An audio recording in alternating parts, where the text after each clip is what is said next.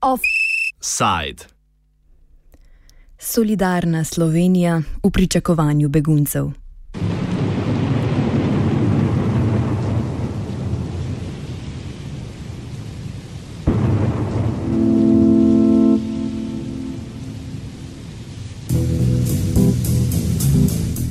Evropska unija je začetek tedna razgrnila plan preselitve migrantov iz držav vstopa v ostale evropske države.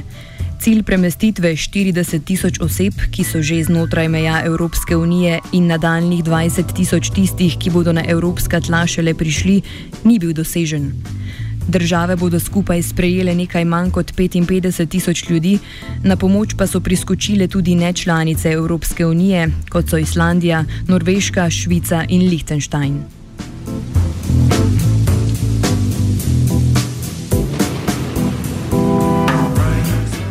250 izmed teh preseljenih migrantov bo sprejela tudi Slovenija. Franci Zlatar iz slovenske filantropije pozdravlja sodelovanje Slovenije, a opozarja, da bi lahko naredili več ter da moramo spremeniti politiko ravnanja z begunci. Ja, zdaj, kot prvo, eh, sigurno ne glede na to, da je ta številka nižja, kot je bila sprvo pričakovana, sigurno predstavlja nek pozitivni korak, ne, ker vseeno pač. Eh, bo Slovenija tudi uradno sprejela uh, neko skupino beguncev. Zdaj jaz sicer mislim, da bi uh, sigurno lahko Slovenija še tu več naredila, glede na to, da zdaj, če malo primerjamo te statistike, glede na to, koliko beguncev je sicer po svetu, pa koliko jih tudi prihaja druge evropske države. Ne? Jaz mislim, da bi lahko v prihodnje naredila še več. Ne? Seveda so tu bile dileme, ne, koliko smo sposobni jih integrirati, imamo te možnosti, imajo možnost zaposlitve in podobno. Ne. In z tega vidika se mi zdi mogoče boljše, da se z nekimi takimi manjšimi koraki to uh, pač začenja vzpostavljati. Ne? Ampak seveda ob, ob nekem pogoju, da bomo res tudi na tem uradnem nivoju državnem naredili nekaj več, kot imamo zdaj, ne? da bo tudi tu prišlo do določenih premikov. Ne? Slovenija ima že na podlagi zakona o mednarodni zaščiti sprejete neke določene ukrepe, ne kako ravnati, ko oseba dobi status mednarodne zaščite. Ampak se treba zavedati, da v praksi ti trenutni ukrepi niso učinkoviti. Zdaj sicer neformalno uh, naj bi ministrstvo za notranje zadeve pripravljalo nek plan, ne nevladne organizacije o tem formalno nismo seznanjene. Ne?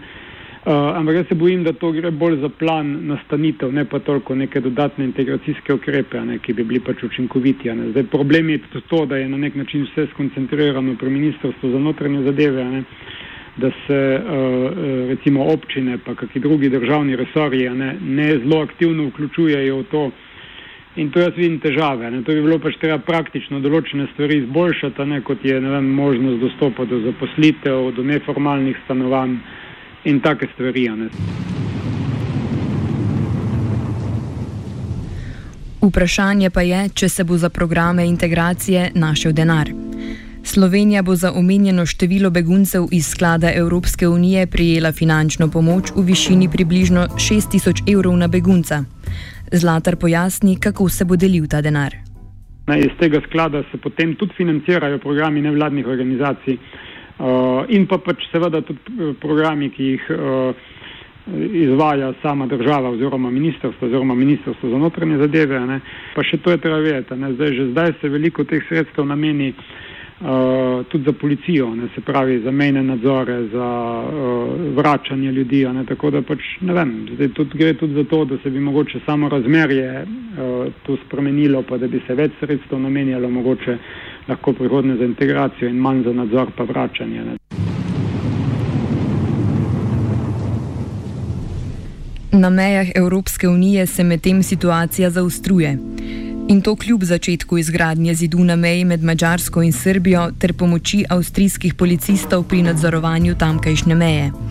Zaradi vedno večjega toka migrantov v avtonomni pokrajini Vojvodini na severu Srbije nameravajo uvesti tako imenovano izredno situacijo. Stevan Arambašič, namestnik tamkajšnjega pokrajinskega ombudsmana, pojasni, kaj to pomeni.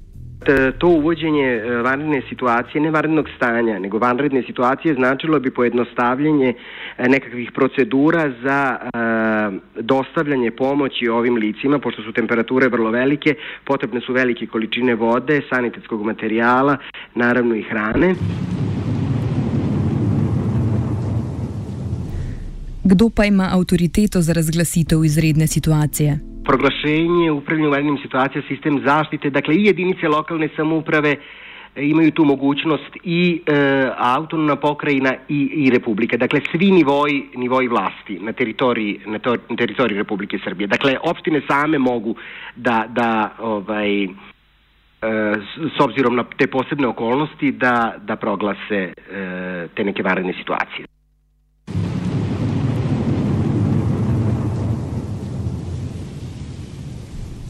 Zaradi poostrenih ukrepov na mačarski meji pa se pojavljajo domneve, da bi se migranski tokovi utegnili preusmeriti skozi Hrvaško in Slovenijo.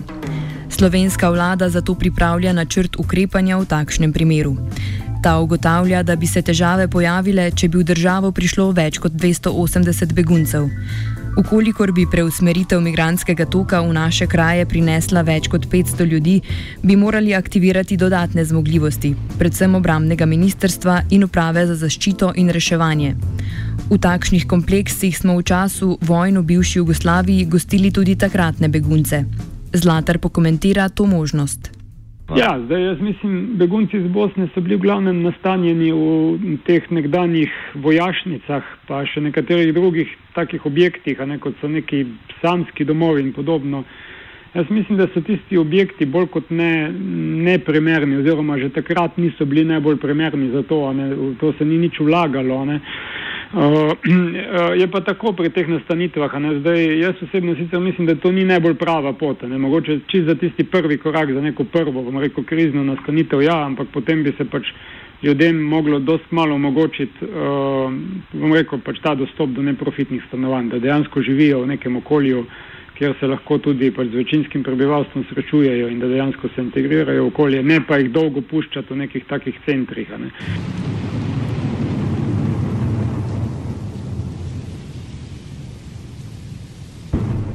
Zaključujemo pa s pomirjujočim dejstvom, da omenjena strategija kot najbolj črn scenarij navaja prihod 900 ljudi.